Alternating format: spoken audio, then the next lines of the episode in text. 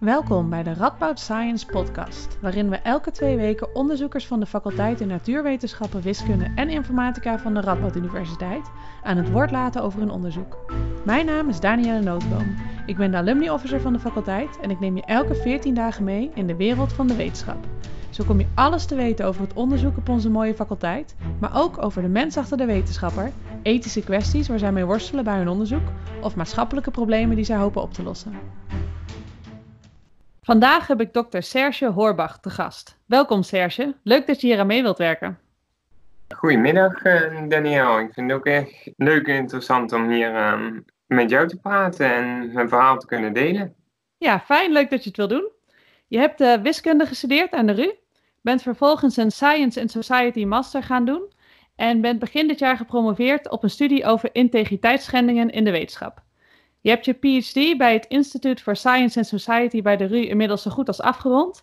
En ten tijde dat deze podcast live gaat, ben je werkzaam bij het Danish Center for Studies in Research and Research Policy aan de Universiteit van Aarhus in Denemarken. Maar nu, op dit moment, zijn we nog collega's. Vandaag gaan we samen wat dieper in op je onderzoek naar integriteitsschendingen in de wetenschap. Serge, wat versta je eigenlijk onder integriteitsschendingen? Wat moet ik me daarbij voorstellen? Um, ja, integriteitsschendingen is echt een, een, breed begrip. En als mensen daarover nadenken, denken ze vaak als eerste aan wat wij dan de, de grote gevallen noemen, of de, de grote drie. Falsificatie, fabricatie en plagiaat. Dus het al dan niet verzinnen of een beetje aanpassen van je data of het overschrijven van dingen van iemand anders.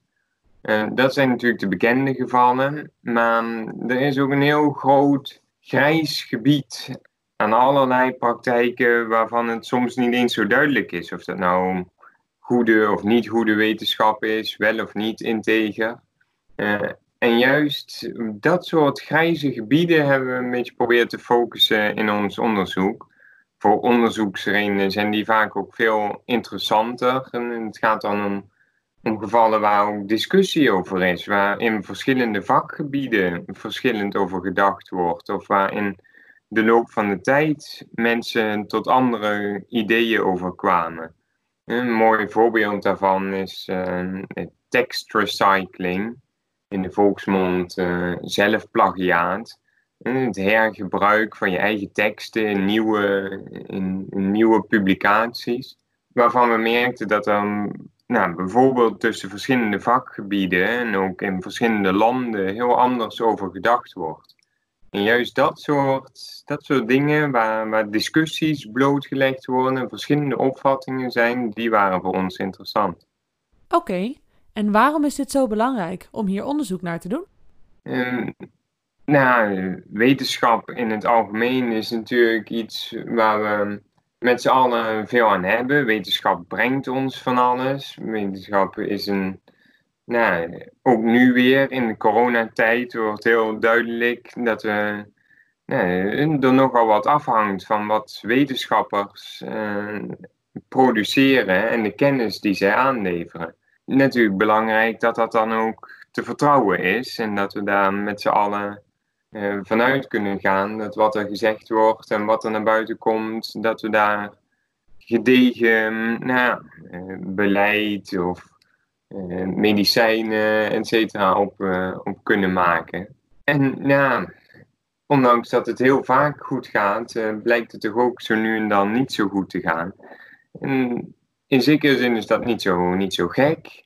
wetenschap is ook gewoon een proces waarin mensen statements maken die uiteindelijk misschien ook niet altijd uh, waar blijken te zijn. Ook niet door fraude of dergelijke, maar gewoon doordat ze tot nieuwe inzichten komen.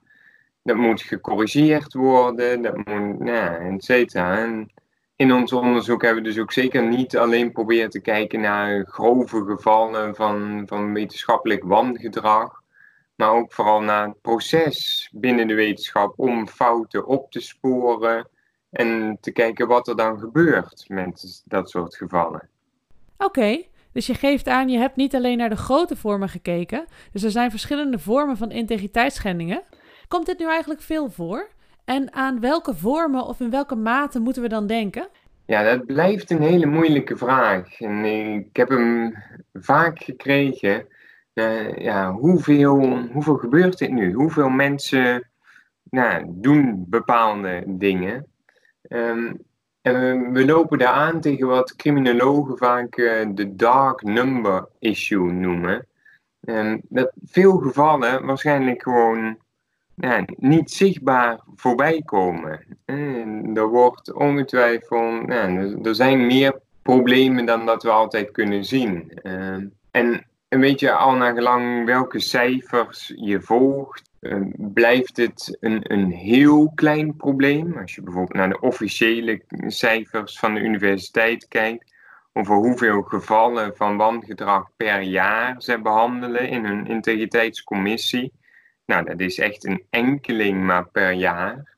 Dus dat soort cijfers geven een heel geruststellend beeld over dat het nauwelijks voorkomt.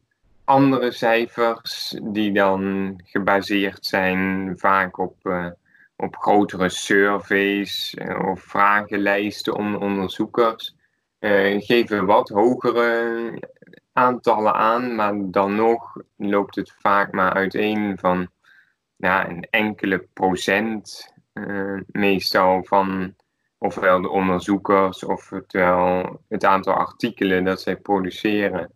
Dus al met al lijkt het, voor zover we het kunnen inschatten, een, uh, een probleem wat nou, gelukkig niet te vaak voorkomt. Nou, dat is goed om te horen dat het niet zo heel vaak voorkomt, gelukkig. Maar het lijkt me toch een best beladen onderwerp om onderzoek naar te doen. Hoe was dat om dit te onderzoeken? En kreeg je veel medewerking of waren mensen sceptisch of misschien zelfs bang om uh, mee te werken aan jouw onderzoek? Ja, dat laatste wat je zegt is een heel, uh, heel herkenbaar iets. Uh, wij dachten zelf altijd een positieve benadering of aanpak te gaan gebruiken. Dus als ik met dit onderzoek bezig was en ik uh, benaderde mensen daarvoor, had ik nooit over dat ik onderzoek deed naar integriteitsschendingen of wangedrag of fraude of allemaal dat soort woorden gebruik je dan niet. Mhm. Je hebt het altijd over dat je een, onderzoek doet naar integriteit in de wetenschappen, naar, naar het goede. Naar wat het dan betekent om goede wetenschap te doen. Maar toch, zodra je woorden als integriteit in de mond neemt, ehm, hebben mensen heel gauw de associatie met, oh jee, eh, hier zal dan ook wel iets mis zijn. Of deze jongen eh, gaat me bevragen over dingen die ik niet goed doe. En ja, het zijn inderdaad hele gevoelige onderwerpen waar zeker, ja, we hebben ook een aantal case studies gedaan van gevallen waarin wangedrag aan de kaak gesteld is en, en klachten geuit zijn. En daarna hele processen op gang komen van nou, controle en integriteitscommissies.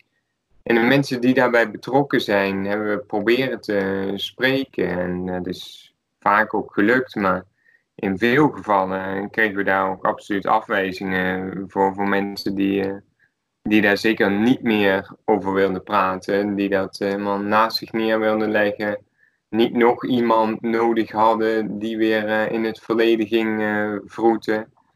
En als ze al wilden praten, dat uh, toch vaak onder allerlei voorwaarden en bijzondere omstandigheden alleen wilden doen. Dus ja, we hebben zeker gemerkt dat het een gevoelig onderwerp was. En dat heeft ook zeker voor ons af en toe tot nou, creatief handelen moeten leiden in het, in het doen van het onderzoek. Kun je daar iets meer over vertellen? Over die voorwaarden of die bijzondere eisen die er dan gesteld werden? Um, nou, ik heb bijvoorbeeld interviews met mensen gedaan, uh, niet op hun werkkamer, um, omdat er dan nou, andere mensen zouden zien dat ik daar naar binnen liep. En uh, nou, die zouden dan vragen kunnen stellen over wie ik was of uh, waar, wat ik kwam doen en waarover we het gehad hebben.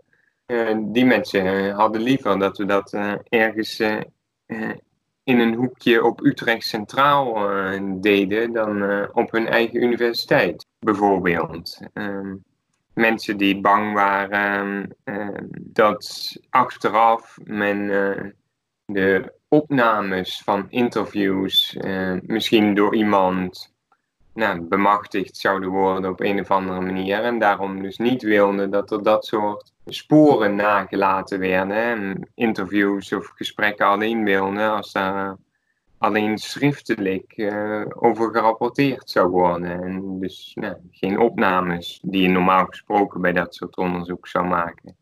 Um, daar zit dan toch nog best wat angst achter, denk ik. Heeft dat je onderzoek ook bemoeilijkt of zelfs in de weg gestaan op sommige fronten? Um, nou ja, dit waren dan dus nog de mensen die onder voorwaarden, maar uiteindelijk wel wilden spreken. Daar waren er dus ook heel wat die, eh, die überhaupt niet wilden spreken. En dat maakt het vergaren van data en inzichten natuurlijk moeilijk. Ja, en liever neem je dat soort gesprekken bijvoorbeeld ook wel op.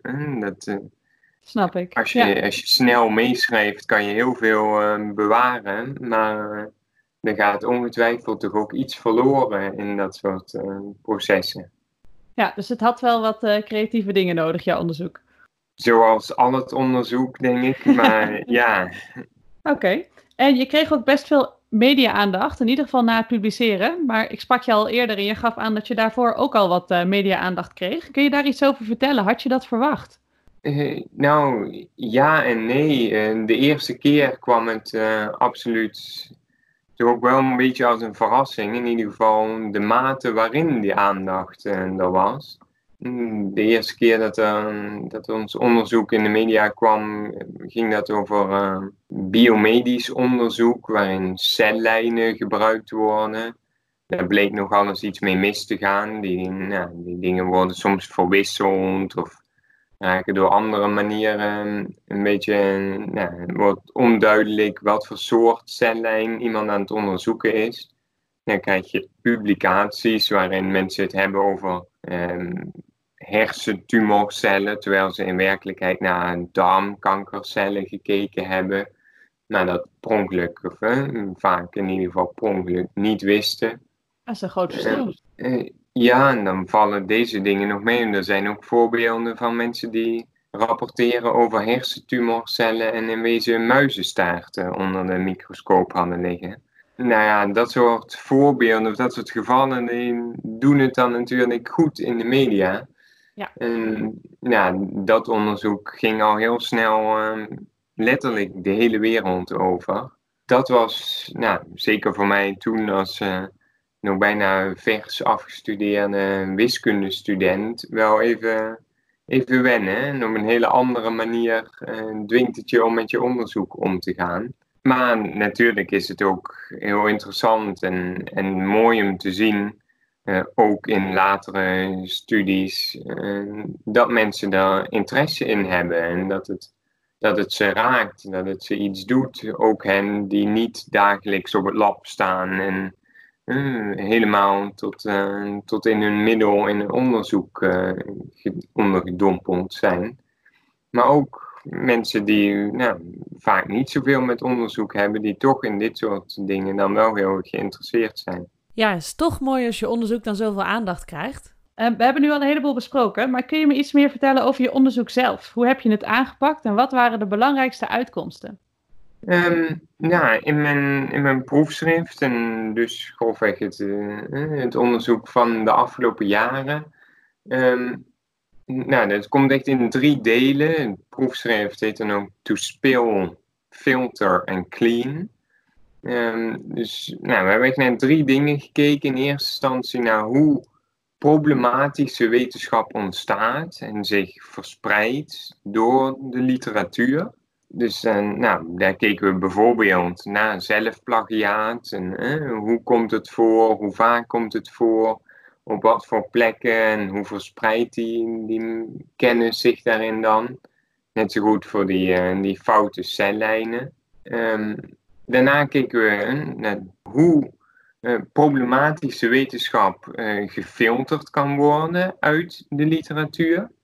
Um, daarin keken we vooral naar, naar een peer-review proces bij wetenschappelijke tijdschriften. Uh, zij krijgen stukken binnen, beoordelen die voordat ze het eventueel publiceren, wijzen heel veel af.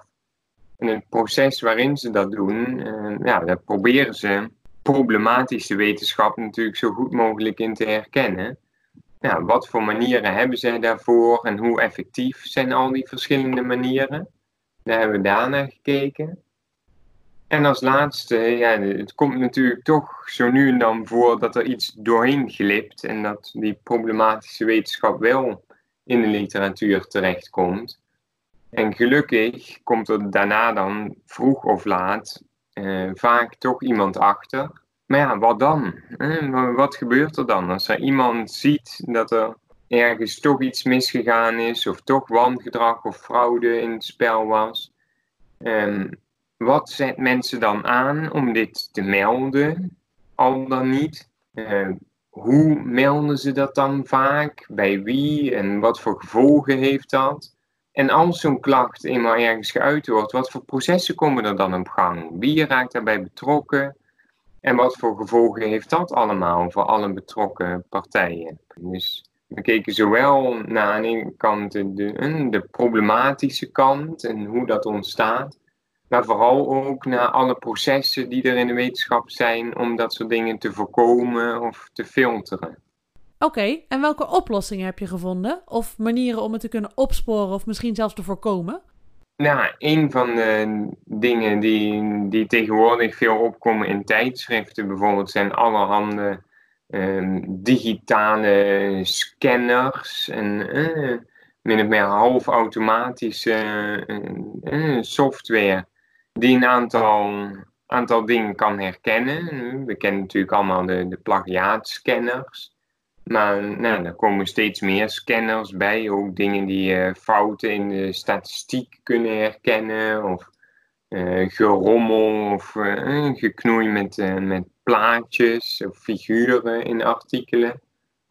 Um, en verder zijn er überhaupt bij tijdschriften veel innovaties um, die, die voorgesteld worden in ieder geval. De, implementatie daarvan is meestal redelijk traag maar allerlei andere vormen om dat peer-review proces in te richten.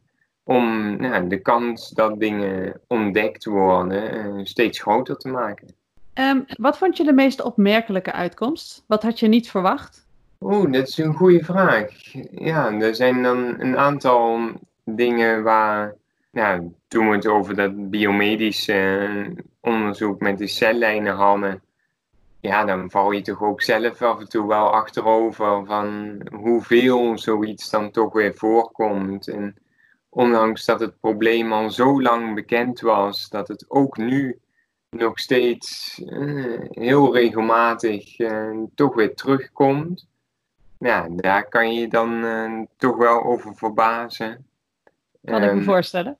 En dan in de, in de negatieve manier over verbazen.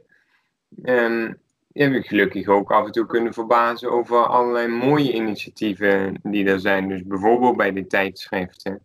Um, om, om dit soort dingen aan te pakken. En, en, de creativiteit die daar af en toe ook in terugkomt. Dat is dan weer mooi om te zien.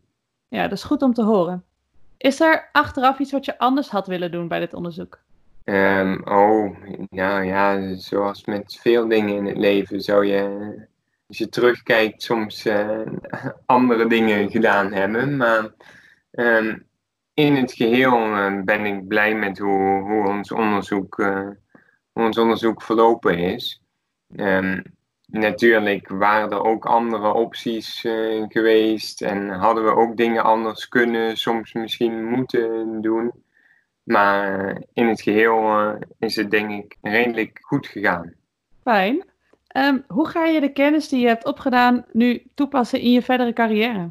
Nou ja, ik heb de afgelopen jaren natuurlijk veel nagedacht over wat dan goede wetenschap is en eh, hoe we met z'n allen tot betrouwbare kennis komen. Nou, daar hoop ik nog uh, een tijdje aan bij te dragen. Um, in mijn werktaak in, uh, in Aarhus zal ik daar ook op doorbouwen en, en meer onderzoek doen naar, naar wat goede wetenschap nou eigenlijk is en hoe we dat beoordelen met z'n allen. Er zijn ook veel discussies over, over hoe we met z'n allen bepalen wat dan waardevol is in de wetenschap. En ja, dat moet ook breder zijn dan alleen het schrijven van veel publicaties bijvoorbeeld. En als je dan al publicaties schrijft, hoe beoordelen we dan de kwaliteit daarvan? Ehm, dus met dat soort vraagstukken ga ik me nu bezighouden. En daar gaat eh, de kennis die ik de afgelopen jaren opgedaan heb zeker eh, veel bij helpen. Dat klinkt goed. Klinkt als een eh, mooie voortzetting van wat je gedaan hebt. Ehm, als laatste, is er nog iets wat ik je nog niet gevraagd heb, maar wat je nog wel graag zou willen delen? Of iets wat we vergeten zijn? Ehm, nou, we hebben het over veel dingen gehad. En ik denk dat er veel aspecten van mijn onderzoek naar voren zijn gekomen. Mm nou ja, een van de vragen die ik nog vaak krijg, wat, wat kunnen mensen zelf of wat kunnen onderzoekers nou zelf doen om dit soort processen eh, te ondersteunen, tot betrouwbare wetenschap komen en daar, uh, ja, daar probeer ik mensen dan toch altijd mee te geven dat transparantie van het onderzoek, open zijn over de keuzes die je maakt, uh, veel keuzes zijn goed, uh, zolang ze goed onderbouwd zijn. Dat, uh, dat is dan iets wat je mensen nog mee probeert te geven. Lijkt me goed advies. Nou, dankjewel. Dan wil ik je graag ontzettend bedanken dat je de tijd wilde nemen voor deze podcast. En dan wens ik je graag heel veel succes straks met je nieuwe functie aan de Universiteit van Aarhus. Ja, dankjewel. En dankjewel voor de uitnodiging om hier aan te schuiven. Ik vond het leuk om voor dit publiek iets over mijn onderzoek te kunnen vertellen.